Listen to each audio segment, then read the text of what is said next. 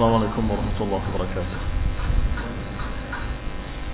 إن الحمد لله نحمده ونستعينه ونستغفره ونعوذ بالله من شرور أنفسنا ومن سيئات أعمالنا من يهده الله فلا مضل له ومن يضلل فلا هادي له وأشهد أن لا إله إلا الله وحده لا شريك له وأشهد أن محمدا عبده ورسوله صلى الله عليه وعلى آله وأصحابه والتابعين وتابع التابعين ومن تبعهم بإحسان إلى يوم الدين.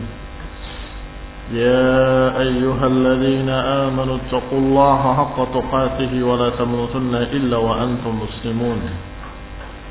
يا أيها الناس اتقوا ربكم الذي خلقكم من نفس واحدة وخلق منها زوجها وبث منهما رجالا كثيرا ونساء واتقوا الله الذي تساءلون به والأرحام إن الله كان عليكم رقيبا يا أيها الذين آمنوا اتقوا الله وقولوا قولا سديدا يصلح لكم أعمالكم ويغفر لكم ذنوبكم ومن يطع الله ورسوله فقد فاز فوزا عظيما.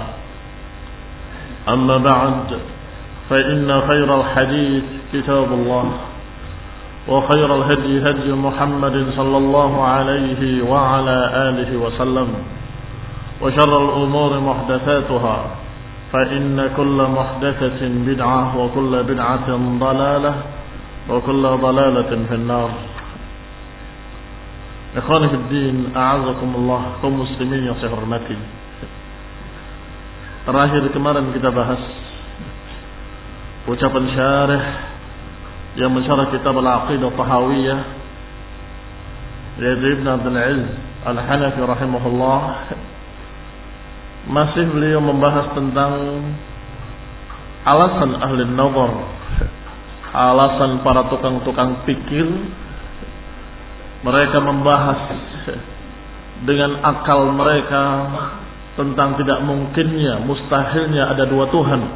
Kemudian mereka mengkaitkannya dengan ayat lau kana fihi ma'alihatun illallah la fasadata kalau saja pada alam semesta ini ada dua Tuhan maka niscaya akan binasa. Latar belakang mereka mengkaitkan cara berpikir mereka dengan ayat ini karena mereka mengira makna Tuhan di sana adalah Rabb. Ya, ini dari sisi rububiyah saja. Ternyata ayat ini berbicara tentang uluhiyah. Lau kana fihi ma'alihatun lafadznya saja lafadz ilah Aliha bentuk jamak dari ilah. Maka mana ayat ini kalau saja ada sesembahan-sesembahan yang lebih dari satu di alam semesta ini saya akan binasa alam semesta. La fasadata akan rusak seluruhnya. Maka apa yang dibahas dalam ayat ini bukan apa yang dibahas oleh mereka. Dan apa yang dibahas oleh mereka para tukang-tukang pikir tadi tidak tepat kalau berdalil dengan ayat ini. Bahkan ayat ini dijelaskan dengan ayat-ayat lain bahwa Allah berfirman, Allah berbicara tentang ilah yang dimaksud dalamnya adalah sesembahan yang diibadahi. Kalau saja ada dua ma'bud, kalau saja ada dua yang diibadahi. Di antaranya ayat Allah Subhanahu wa taala dalam surat Al-Mu'minun. Wala in sa'altahum man khalaqas samawati wal ard la yaqulunna Allah. Kalau kau tanyakan pada mereka, siapa yang menciptakan langit-langit dan bumi, niscaya mereka akan menjawab Allah. Berarti yang diingkari oleh mereka tauhid fil uluhiyah atau tauhid fil rububiyah mereka ketika ditanya siapa pencipta langit dan bumi, jawaban mereka sama. Jawaban mereka sepakat Allah, tidak lain. Berarti kalau masalah pencipta, tentunya mereka sepakat menyatakan Allah satu-satunya. Tapi yang mereka sekutukan adalah dari sisi uluhiyahnya, Ketika beribadah, mereka beribadah kepada Allah dan beribadah pula kepada selain Allah. Berdoa kepada Allah, berdoa pula kepada selain Allah. Sujud kepada Allah, sujud pula pada berhala-berhalanya. Ini yang jadi masalah. Berarti kesyirikan mereka dalam masalah uluhiyah. Sehingga ayat tadi pun, "Lau fihi ma alihatun illallah la fasadata." Kalau saja di alam semesta ini, langit dan bumi, ada sesembahan-sembahan selain Allah, niscaya akan hancur, akan binasa seluruh alam semesta. Langit dan bumi. Yang dimaksud penciptanya lebih dari satu, atau yang dimaksud yang diibadahi lebih dari satu. Ikhwan Tentunya di sini jelas yang dimaksud, yaitu yang diibadahi lebih dari satu, maka akan binasa. Sebab manusia, makhluk jin dan manusia akan menyatakan saya akan taat pada Rabb atau pada Allah, pada Tuhan yang ini. Tetapi Tuhan yang lain menyatakan jangan. Taati saya demikian akan hancur alam semesta. Demikian pula ayat Allah qul limanil ardu wa man fiha in kuntum ta'lamun Sayaquluna lillah qul afala tadhakkarun. Katakan, milik siapa bumi ini dan apa yang ada di dalamnya? In kuntum ta'lamun, kalau kalian memang mengerti. Sayaquluna lillah. Mereka akan menjawab milik Allah. Ketika ditanya kepemilikan, siapa yang memiliki bumi dan semua isinya? Mereka menjawab Allah, milik Allah. Qul afala tadakkarun. Katakan apakah kalian tidak mau ingat? Berarti di sini penunjukan yang dimaukan oleh Allah Subhanahu wa taala dengan tauhid adalah tauhid uluhiyah yang terkandung di dalamnya rububiyah dan asma dan sifat. Kata syarih rahimahullah, wa mithlu hadza katsirun fil Qur'an. Dan ayat-ayat yang seperti ini banyak sekali dalam Al-Qur'an. Ayat-ayat yang berbicara tentang musyrikin bahwa mereka percaya tentang pencipta itu Allah. Percaya bahwa satu-satunya yang menguasai alam semesta atau yang memiliki alam semesta adalah Allah. Tetapi mereka tidak mau beribadah hanya kepada Allah. Yang menciptakan seperti ini dalam Al-Quran banyak sekali. Walam yakunu ya'taqiduna fil aslami annaha musyarikatun lillah fi khalqil alam. Dan mereka para musyrikin tadi tidak meyakini bahwa berhala-berhala mereka ikut serta bersama Allah dalam menciptakan alam. Tidak. Musyrikin Quraisy, musyrikin Arab jahiliyah, mereka tidak meyakini kalau Latta, Uzza dan Manat adalah orang atau makhluk-makhluk yang sama-sama atau tuhan-tuhan yang sama-sama dengan Allah menciptakan langit dan bumi. Tidak. Kalau kita tanyakan pada mereka, apakah yang menciptakan langit itu Lata? Mereka akan menjawab tidak. Yang menciptakan Allah. Apakah yang menguasai langit itu adalah Uzza? Mereka akan menjawab bukan. Yang menguasainya adalah Allah. Berarti masalah rububiyah masalah penciptaan, kepemilikan, mereka mengakui bahwasanya Allah lah pemilik alam semesta. balkana haluhum fiha kahali amsalihim min musyrikil umam min al-Hind wal Turk wal Barbar wa ghairihim. Bahkan keadaan musyrikin tersebut, musyrikin Arab dulu sama dengan sejenis mereka dari musyrikin-musyrikin di umat-umat sebelumnya ataupun di negeri-negeri lain seperti di India, di Turki, di Barbar dan lain-lainnya. Sama. Mereka berbuat syirik dalam uluhiyah dan mereka dalam masalah rububiyah mengakui taratan ya'taqiduna anna hadhihi tamathil qaumun salihun min al-anbiya'i was salihin sebagian musyrikin berkata dan meyakini bahwa berhala-berhala yang mereka sembah itu adalah orang-orang saleh orang-orang saleh bukan Tuhan. Bukan pencipta langit dan bumi. Minal anbiya salihin dari kalangan para nabi dan juga dari kalangan orang-orang saleh. Wa yattaqidunahum syufa'a dan mereka mengambilnya menjadikannya sebagai pembela-pembela nanti di sisi Allah. Sebagai pembela, pemberi syafaat nanti yaumul qiyamah. Sebagian musyrikin dahulu. Yang ternyata sampai hari ini pun mirip. Musyrikin-musyrikin itu beralasan bahwa saya bukan menyembah kuburan, bukan menyembah orang soleh. Ini bukan Tuhan, bukan pula orang soleh tadi Tuhan, bukan. Cuma karena orang soleh ini dekat dengan Allah, maka saya memohon, meratap, meminta, berdoa agar dia mau membela saya nanti. Ya khair. Yatawassaluna bihim ilallah. Mereka menjadikannya sebagai perantara kepada Allah Subhanahu wa taala. Wa hadza kana aslu syirkil Arab dan inilah inti dari kesyirikan Arab jahiliyah. Inti dari kesyirikan bangsa Arab dulu adalah seperti ini. Orang-orang soleh tadi, kuburan orang soleh tadi, peninggalan orang soleh tadi, mereka jadikan sebagai perantara kepada Allah Subhanahu wa taala. Sebagaimana Allah kisahkan awal pertama kesyirikan yang terjadi di muka bumi, yaitu kesyirikan yang terjadi di zaman kaum Nuh alaihi salam.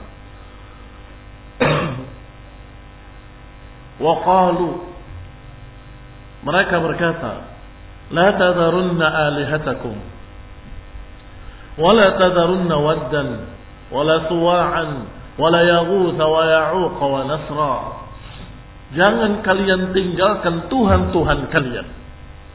Tuhan bermakna pencipta atau Tuhan bermakna yang diibadahi. Hah? Jangan salah. Musyrikin Arab, musyrikin terdahulu, musyrikin zaman kaum Nuh mengakui kalau pencipta adalah Allah. Mengakui kalau penguasa alam semesta adalah Allah. Tapi mereka ketika berdoa, meminta, menyembah kepada selain Allah Subhanahu. Maka di sini yang dimaksud adalah berhala-berhala atau tuhan-tuhan yang yang diibadahi. Jangan tinggalkan sesembahan-sesembahan kalian. Jangan kalian tinggalkan wad, suwa, yaghut, ya'uq dan nasr dan telah sabit di dalam Sahih Bukhari bahwa tafsir dari ayat ini tentang kisah-kisah para anbiya dari Ibn Abbas radhiyallahu taala anhuma dan lainnya. Dari salaf. Qala anna hadhihi asma'u qaumin salihin. Bahwa nama-nama yang disebut tadi adalah nama-nama orang soleh asalnya. Wad suwa yahud ya'uq dan nasr adalah asma'u rijalin salihin atau asma'u qaumin salihin fi qaumi Nuh. Nama-nama orang soleh di zaman kaum Nuh. Falamma matu akafu ala quburihim. Ketika mereka mati yang hampir bersamaan dalam satu bulan, mereka menjadikan berhala-berhala itu di kuburan-kuburannya dan mereka beriktikaf tirakatan tahu tirakatan mereka berdiam diri di sana, i'tikaf di kuburan-kuburannya. Summa sawwaru tamathilahum. Kata Ibn Abbas dan mereka kemudian menggambarkan patung-patungnya, membuat patung-patungnya. Summa qala alaihimul amad. Kemudian berjalanlah waktu. Fa'abaduhum yang akhirnya mereka menyembahnya. Wa anna hadhihi al-asnam bi'ainiha sarat ila qabailil Arab dan berhala-berhala itu tersebut atau berhala-berhala itu juga yang kemudian sampai diibadahi oleh kaum Arab. Zaman kaum Nuh. Sampai zaman Arab. Berapa lama itu? Lama sekali. Tetapi terus syaitan saling mewasiatkan yuhuna ba'dhum ila ba'din zukrufal qawli ghurura. Saling membisikkan satu sama lain bisikan-bisikan yang menyesatkan. Sebagaimana ketika bangsa Arab di sana ada seorang dukun, maka syaitannya, jinnya sama dengan syaitan-syaitan yang terdahulu di zaman kaum Nuh. Maka dibisikkan kepadanya, "Ikti Jeddah, tajid asnaman muaddah." Datangi Jeddah, kamu akan dapat berhala yang sudah siap di sana. Maka si dukun ini datang ke pantai Jeddah Kemudian digali, digali, digali, mencari peninggalan-peninggalan tadi. Maka ditemukanlah Wad, Suwa, Ya'ud, dan Nasr. Berhala itu lagi yang disembah oleh mereka. Ikhwan ibn a'azakumullah dukun tadi merasa bangga.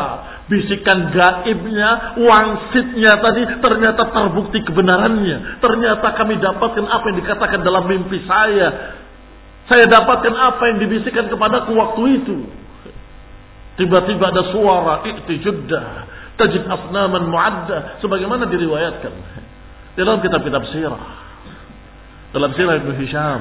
Rahimahullahu ta'ala. Allah maka kembali berhala tadi disembah oleh orang-orang Arab. Wa thabata fi sahih Muslim an Abi al-Hayyaj al-Asadi qala qala li Ali bin Abi Talib radhiyallahu ta'ala anhu ala ab'athuka ala ma ba'athani Rasulullah sallallahu alaihi wa ala alihi wasallam diriwayatkan dalam Sahih Muslim. Dari Abil Hayyaj Al-Asadi beliau berkata berkata kepadaku Ali bin Abi Thalib maukah aku mengutusmu dengan sesuatu yang dulu Rasulullah mengutus aku dengannya? Ini yani, maukah engkau aku utus? Sebagaimana aku dulu diutus oleh Rasulullah SAW? Apa itu?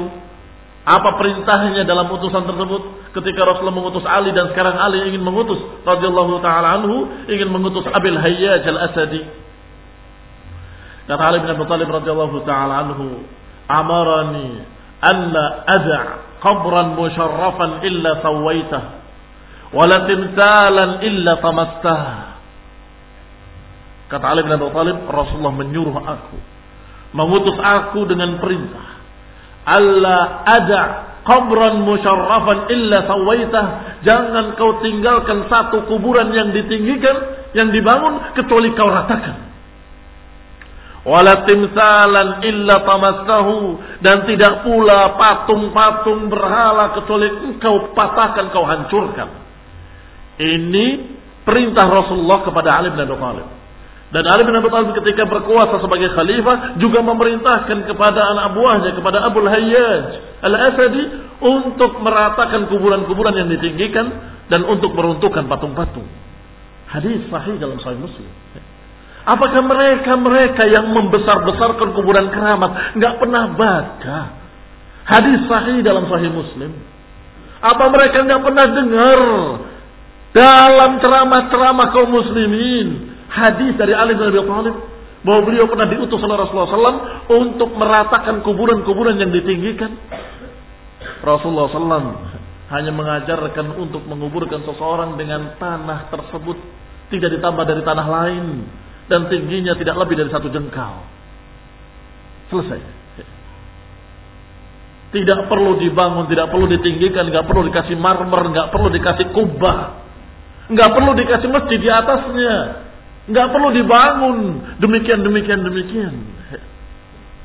Kalau engkau dapat kuburan yang demikian, wahai Ali bin Abi Thalib, ratakan. Berarti masalahnya apa? Masalahnya bukan berbicara masalah pencipta itu siapa, penguasa langit dan bumi siapa, pemilik langit dan bumi siapa, bukan itu. Kalau itu masalahnya, mereka semua sama-sama tahu. Kalau tanyakan pada mereka yang membangun kuburan, yang menyembah kuburan, yang berdoa meratap di kuburan, yang sedang nangis-nangis di kuburan, minta jodoh, minta kekayaan, minta jalan keluar, tanyakan pada mereka, hehehe, siapa yang menciptakan langit? Dia akan menjawab Allah. Siapa yang menciptakan bumi ini? Dia akan jawab Allah. Siapa pemilik alam semesta? Dia akan katakan Allah. Eh kuburan ini menciptakan langit dan bumi apa enggak? Dia akan mengatakan tidak. Kuburan ini memiliki alam semesta. Dia akan katakan tidak. Baru terakhir kamu katakan kalau begitu kenapa kamu meratapnya pada kuburan? Kenapa berdoa kepada kuburan? Minta pada Allah yang menciptakan langit dan bumi. Minta pada Allah yang menguasai alam semesta. Ikhwanifiddin azakumullah kaum muslimin yang saya. Rasulullah SAW memerintahkan kepada Ali bin Abi Thalib tidak kau tinggalkan satu kuburan yang ditinggikan kecuali kau ratakan. Enggak peduli mereka mengakui Allah pencipta atau kuburan yang mencipta, ratakan. Enggak peduli apakah mereka meyakini Allah yang menguasainya atau kuburan yang menguasai, ratakan kata Nabi. dengan am kalimatnya alla tada qabran musyarrafan nakirah Disebutkan secara nakira, kubran musyarafan, kuburan yang ditinggikan. Kuburan apa pun yang ditinggikan rasakan. Kemudian dikatakan dalam hadis lain oleh Rasulullah sallallahu alaihi wa ala alihi wasallam ketika beliau dalam keadaan sakit di akhir hidupnya. La'anallahu al-yahud wan nasara ittakhadhu qubur anbiya'ihim masajid. Dalam keadaan beliau sakit dalam keadaan keringat dingin di dahinya menetes seperti butiran-butiran mutiara. Rasulullah SAW kadang-kadang tidak sadar menutupkan kainnya ke mukanya. Dan ketika dibukanya kembali tersadar kembali beliau berkata la'anallahu al-yahud semoga Allah melaknat Yahudi Semoga Allah melaknat Nasrani. Ittakhadu kubur anbiya'ihim masajid. Mereka menjadikan kuburan nabi-nabinya sebagai masjid. Kata Aisyah radhiyallahu taala anha, "Yuhaddiru ma sana'u." Atau yuhaddiru ma fa'alu. Beliau memperingatkan apa yang dilakukan oleh Yahudi dan Nasrani agar jangan ditiru. Memperingati kaum muslimin dari apa yang dilakukan oleh Yahud Nasrani yaitu ittakhadhu qubur anbiya'ihim masajid, menjadikan kuburan nabi-nabinya sebagai masjid. Kalau saja aku memiliki kekuasaan kata beberapa ulama.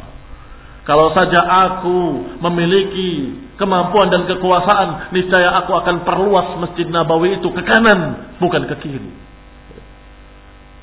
Ke kanan dalam keadaan yu'jibuhu tayammun lebih afdal yang ke kanan yang kedua, tidak memasukkan kuburan Nabi dalam masjid. Qaddarallahu wa ma syaa fa'al. Demikian beberapa ulama menyatakan sebagaimana disebutkan oleh Syekh Al-Albani rahimahullahu taala. Ikhwan ibn a'azakumullah. Rasulullah SAW menyatakan bahwasanya Yahudi dan Nasrani dilat karena satu perbuatan mereka. Nanti perbuatan ini tidak remeh. Sampai dilaknat dan yang mendoakan laknatnya ala lisani Rasulullah. Yang mendoakan laknat adalah lidahnya Rasulullah yang mulia. Yang mendoakan laknat adalah lidah seorang Rasul Mustafa sallallahu alaihi wa ala alihi wasallam. La'anallahu Yahud wan Nasara. Semoga Allah melaknat Yahudi dan Nasrani. Berarti perbuatan mereka bukan perbuatan remeh, perbuatan azim, perbuatan besar, perbuatan yang akibatnya adalah kekafiran. Akibatnya Perbuatannya ketika membangun itu bukan kekufuran, tetapi setelah itu membawa orang menjadi kufur. membangun ada yang alasannya supaya bagus. Ada yang alasannya sebagai kenang-kenangan. Ada yang alasannya supaya jadi mulia kuburannya. Ada yang alasannya demikian-demikian. Itu sekedar bid'ah. Walaupun bid'ah itu jelek, tapi bukan kesyirikan. Tetapi akibat perbuatan mereka Orang-orang yang di belakangnya akan menyembah kuburan tadi karena betapa agungnya, betapa besarnya, betapa tingginya, maka mereka mengira bahwa kuburan itu memiliki sesuatu. Maka mereka berduduk datang mengambil debunya, mengambil ininya, mengambil bunganya, mengambil segala macamnya, mengambil tirainya sebagai jimat. Wala haula wala quwata illa billahil aliyyil azim. Aisyah radhiyallahu taala anha yang meriwayatkan hadis ini berkata, "Walaula dzalika la ubri la ubriza qabr." Kalau saja bukan karena itu, la ubriza qabr. Kalau saja bukan karena khawatir masalah ini, niscaya kuburannya akan taruh terbuka di luar. La ubriza qabr, yakni dikubur di kuburannya akan ditampakkan di depan seluruh manusia tapi kenyataannya beliau dikubur di dalam kamarnya, di rumahnya. Wa fi sahihaini walakin kariha an yuttarad masjidan tetapi beliau melakukannya demikian sebagai wasiat. Ini Rasulullah SAW yang menyuruhnya bahwa tidaklah seorang nabi kecuali dikuburkan di tempat wafatnya. Maka Rasulullah SAW dikuburkan di mana di kamarnya di kamar Aisyah radhiyallahu taala anha di mana beliau wafat Wa sahihain dan juga dalam dua kitab sahih Anahu dzikra fi marad mautihi kanisah bi ardil Habasyah. Juga masih dalam kitab-kitab sahih Bukhari dan Muslim. Diriwayatkan bahwa ketika beliau sakit itu ada berita. Berita tentang gereja yang dibangun di negeri Habasyah. Min husniha wa tasawiri fiha. Digambarkan oleh yang menceritakan ini, yakni istrinya, bahwa aku waktu itu ya Rasulullah melihat betapa indah gereja itu. Memiliki gambar-gambar patung-patung, memiliki ini, memiliki itu. Ini hiasan-hiasannya. Ternyata komentar Rasulullah sallallahu alaihi wa ala alihi wasallam sungguh tidak disangka.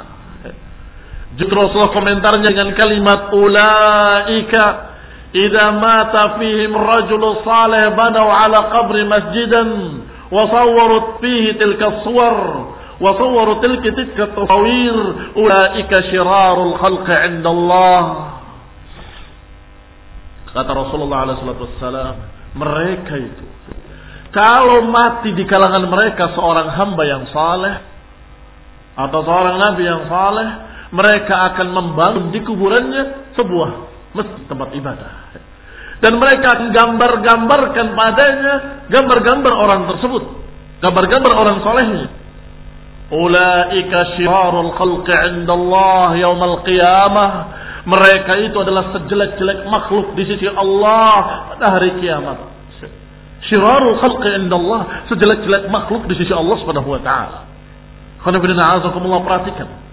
Hadis yang tadi menyebutkan la'anallah al-yahud wan nasara. Allah melaknat Yahudi dan Nasrani. Dan dalam hadis ini Rasulullah katakan syirarul khalqi 'inda Allah, sejelek-jelek makhluk di sisi Allah dalam mereka. Kenapa ya Rasulullah? Rasulullah sudah menjawab tadi menyebutkan mereka kalau ada orang soleh yang mati, mereka bangun di kuburannya masjid. Astagfirullahaladzim. Kenapa kau kaum muslimin meniru syirarul khalqi ngikut orang-orang yang dikatakan sejelek-jelek makhluk oleh Rasulullah.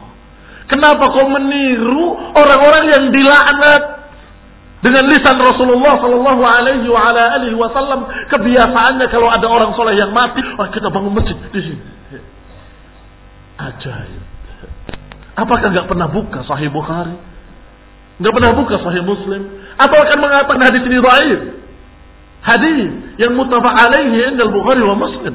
Hadis yang diriwayatkan dalam kitab-kitab sahih yang seluruh para ulama ahlul hadis sepakat atas kesahihannya. Enggak ada yang meragukannya satu orang pun. Enggak ada yang mengatakan hadis ini dhaif. Barang siapa yang menyatakan hadis ini lemah, fahuwa adallu min himari ahli. Sungguh dia lebih sesat dari keledai piaraannya. Alhamdulillah. Disebutkan dalam hadis ini dengan jelas, "Idza mata fihimur rajulus salih." Kalau mati orang soleh di tengah orang Nasrani, akan dibangun gereja di atasnya. Akan dibangun tempat ibadah di atasnya. Mereka itu jelek-jelek makhluk di sisi Allah. Sekarang kita tanya, kembali kepada apa yang sedang kita bahas. Apakah Nasrani mengatakan bahwa orang solehnya menciptakan langit dan bumi? Tidak. Apakah orang Yahudi dan Nasrani mengatakan bahwa orang-orang solehnya dalam keadaan mereka memiliki alam semesta, memiliki langit, memiliki bumi, menakdirkan atau menciptakan? Tidak. Tetapi kenapa dikatakan syirarul khalqi, sejelek-jelek makhluk di sisi Allah? Karena kesyirikan mereka dalam masalah peribadatan. Mereka mengagungkannya seperti mengagungkan Allah mereka memuliakannya, mereka meninggikannya seperti memuliakan Allah Subhanahu wa taala dan mereka meratap berdoa padanya seperti berdoa kepada Allah Subhanahu wa taala. Menyamakannya dalam ibadah. Ini yang membuat Allah murka yang menyebabkan Rasulullah sampai mengucapkan kalimat laknat pada mereka. La'anallahu al-yahud wan nasara. Inilah yang menyebabkan Rasulullah menyatakan mereka syirarul khalqi. Sejelek-jelek makhluk karena mereka menyamakan antara orang solehnya dengan Allah dalam masalah ibadah. Dalam masalah berdoa. Berdoa kepada Allah, berdoa pula pada orang mati. Meminta pada Allah, minta pula pada orang mati. Meratap, istighasah kepada Allah, istighasah pula kepada kuburan. Ini yang mengatakan atau yang menyebabkan mereka menjadi musyrik. Ikhwan ibn a'azakumullah juga disebutkan dalam sahih Muslim. Diriwayatkan bahwasanya Rasulullah sallallahu alaihi wa ala alihi wasallam mengatakan sebelum wafatnya atau hampir wafatnya beliau berkata Inna min kana qabl inna man kana qablakum kanu yattakhiduna qubur anbiya'ihim wa salihihim masajid ala fala tattakhidul qubur masajid fa inni anhaakum an dhalik Hadis dalam sahih Muslim menjelaskan hadis yang tadi bahwa itu bukan hanya berita, tapi Rasulullah SAW melarang jangan meniru mereka, jangan mengikuti mereka. Sesungguhnya orang-orang sebelum kalian kata Nabi mengambil kuburan nabi-nabi mereka dan kuburan orang-orang soleh mereka sebagai masjid. Ana fala tattakhidul qubur masajid. Ketahuilah kalian jangan mengambil kuburan-kuburan sebagai masjid kata Nabi. Fa inni anhaakum an dzalik. Aku sungguh melarang kalian daripadanya. Apakah kurang jelas hadis ini? Apakah kurang gamblang hadis ini? Kenapa kebiasaan-kebiasaan manusia, kebiasaan-kebiasaan kaum muslimin hari ini kok justru seperti kebiasaannya Yahudi dan Nasrani? Ketika saudara kita, seorang yang ahlu sunnah, meninggal. Tapi karena meninggalnya dalam jihad, apa kata orang-orang kampung? Apa kata mereka? Harus dibangun di sebelahnya masjid.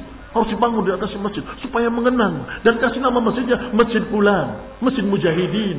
Masjid Mujahid Fulan. La hawla wa la quwata illa billah. Kok aneh? Apakah nggak pernah baca hadis-hadis sahih? Yang sangat sahihnya seperti matahari. Sangat jelas dan gamblangnya. Seperti matahari di siang bolong. Rasulullah menyatakan ini anhakum an dhalik Aku melarang kalian daripadanya. Alhamdulillah, kaum muslimin yang saya hormati. Kita lihat hadis-hadis tadi seluruhnya berbicara tentang tauhid uluhiyah dan mengisyaratkan bahwa mereka-mereka yang mengakui rububiyah belum tentu mereka mengakui uluhiyah. Kadang mereka menyatakan pencipta adalah Allah, penguasa langit dan bumi adalah Allah, pemilik alam semesta adalah Allah. Tapi kenyataannya ketika mereka berdoa, berdoanya kepada Lata, Uzza dan Manat. Ketika berdoa, ternyata berdoanya kepada kuburan-kuburan keramat. Ketika berdoa, ternyata berdoanya kepada jimat dan jimat. Apakah mereka mengira bahwa tauhid itu cukup dengan rububiyah? tanpa pembuktian uluhiyah? Wa min asbab syirk ibadatul kawakib. Wa ittikhadul asnam bihasbi ma yudhan annahu munasib lil kawakib min tibaiha. Dan termasuk sebab-sebab kesyirikan juga adalah penyembahan peribadatan kepada bintang-bintang Wattighadul asnam dan mengambil berhala-berhala. Kalau tadi kuburan-kuburan, ternyata di samping bentuk pertama yang menyembah orang-orang soleh, apakah peninggalannya orang soleh, atau kuburnya orang soleh, atau tongkatnya orang soleh, atau tiang yang disadari orang soleh, semuanya disembah. Pokoknya ada bau-bau orang soleh disembah oleh mereka. Yang kedua, bintang. Mereka menyembah bintang-bintang karena ketika ada kejadian baik terlihat bintang itu. Setiap ada kejadian baik terlihat bintang itu, maka mereka mengira bintang itulah pembawa kebaikan. Demikian pula tikhadil asnam. Pengambilan berhala, yakni membuat berhala-berhala bihaq bima yudhan annahu munasabil kawakib. Nah, berhala itu dikaitkan dengan bintang-bintang tadi. Seperti ada dinik Tia menyembah matahari. Mereka punya berhala. Berhalanya di tangan kanannya memegang bola api yang kata mereka matahari. Berarti menyembah matahari, menyembah bintang, juga menyembah berhala. Demikian pula yang lainnya, al-jandrikiyah. Jandrikiyah menyembah bulan. Juga memiliki berhala. Berhalanya memegang bola mulai bercahaya yang dikatakan itu adalah bulannya. Demikianlah mereka menjadikan berbagai macam yang mereka anggap memiliki kekuatan, kekuatan-kekuatan gaib, kemudian mereka katakan sebagai Tuhan. Atau walaupun tidak mengatakan sebagai Tuhan, mereka perlakukan seperti Tuhan. Wa syirki Ibrahim alaihi salam kana fi yuqal min hadzal bab. Dan kesyirikan di zaman Ibrahim alaihi salam, kesyirikan yang terjadi pada kaumnya Ibrahim alaihissalam itu sejenis dengan penyembahan ini tadi. Ya. Makanya diajarkan oleh Ibrahim alaihissalam pada mereka. Ya. Aku melihat, ya. mencari Tuhanku. Aku kira bulan inilah Tuhanku. Ternyata tenggelam. Ya. Ternyata terbitlah matahari. Ah, ini lebih besar. Dan lebih bercahaya. Ternyata juga tenggelam. Sampai kemudian Ibrahim mengatakan, aku beribadah kepada yang menciptakan semua ini. Menciptakan bulan, langit, dan bumi. Dan matahari. Berarti di sini menunjukkan kalau kaumnya memang kesyirikannya sejenis dengan kesyirikan para penyembah matahari, penyembah bulan dan penyembah bintang-bintang. Wa kadzalika syirk bil malaikati wal jinni wa asnami lahum. Dan juga bentuk-bentuk kesyirikan yang lain adalah yang menyembah jin, menyembah malaikat. Mereka menganggap bahwa ini malaikat pembawa rahmat, maka doanya bukan kepada Allah, tapi doanya kepada malaikat. Wahai Mikail, turunkanlah hujan. Atau Israel pencabut nyawa. Dia katakan, wahai Israel, jangan cabut nyawaku. Doa itu namanya. Itu namanya doa. Atau menyatakan dengan kalimat wahai Israel cabutlah nyawa fulan. Dia telah mendolimi aku. Doa kepada siapa itu? Kepada malaikat. Jibril malaikat yang paling mulia. Mikail malaikat yang membawa rahmat menurunkan hujan Israfil yang meniupkan sangkakala kemudian Israel yang kemudian mereka meminta kepada malaikat-malaikat tadi dan mereka menyebutkan lambang-lambangnya dalam rajahan-rajahan jimat mereka. Sering kali kalau jimat-jimat mereka kita buka, buka. Coba lihat apa tulisannya. Ternyata dalamnya ada seperti gambar mata angin, empat penjuru mata angin. Di sana ada tulisan Mikael, Jibril, Israfil, Israel. Apa alasan dukunnya? Kau membuat rajahan-rajahan seperti itu. Kata dukunnya, kita meminta malaikat-malaikat tadi untuk bersama kita. Sehingga kalau ada yang membunuh kita, tenang. Israel pencabut nyawanya bersama kita. Kalau ada yang mau menghalangi kita dari kebaikan-kebaikan, tenang. Malaikat rahmatnya bersama kita. Apa enggak gila ini? Ini juga musyrikin. Juga yang menyembah jin lebih parah lagi. Menyembah jin ini menyembah syaitan. Menyembah iblis dan anak buahnya. Qanibina yang ternyata kata Ibn Abdul Aziz Al-Hanafi penyembah malaikat dan penyembah jin pun mereka memiliki berhala. Sama, mereka juga memiliki Tuhan dalam bentuk berhala. Padahal yang disembah adalah malaikat. Yang mereka namai malaikat tadi dengan dewa. Dewa hujan, dewa apalagi dewa ini dewa ini yang mereka beri julukan-julukan. Ada gambar patungnya yang tangannya empat. Ada yang tangannya delapan. Ada patung dewa mereka yang mukanya muka gajah ada belalainya Ganesha katanya la haula wala quwata illa billah mereka menyembahnya dewa dan dewi ini adalah dewa kesuburan yang akan menyemburkan kebun-kebun kita. Ini adalah dewa adab. Dewa bencana yang akan menimpakan bencana-bencana atau menghalangi bencana-bencana. Maka kita harus meminta pada dia digambar lagi. Ada berapa dewanya? Kalau dewanya 10, patungnya 10. Kalau dewanya 100, rumahnya penuh dengan berhala. Di depan pintu ada patung bawa gada. Dewa penjaga. Dewa pengaman. Patung dari batu kok akan mengamankan apanya? Kalau kamu bikin alarm, masih mending itu akan mengamankan dirimu dan mengamankan rumahmu. Ini patung dari batu. Beli di pasar pagi atau di mana? La haula wala quwata illa billah. Kok bisa sebodoh itu manusia? Berarti mereka-mereka ketika ditanya para penyembah-penyembah dewa dan dewi ini tanya, yang menciptakan langit dan bumi dan memiliki seluruhnya siapa? Apakah patung Ganesha ini? Atau patung yang tangannya delapan ini? Atau yang itu yang menjaga bahwa gada setiap hari nggak pernah bergerak? Siapa yang menciptakan? Dia akan mengatakan Tuhan yang paling besar. Yang memiliki seluruhnya. Akan mengatakan begitu.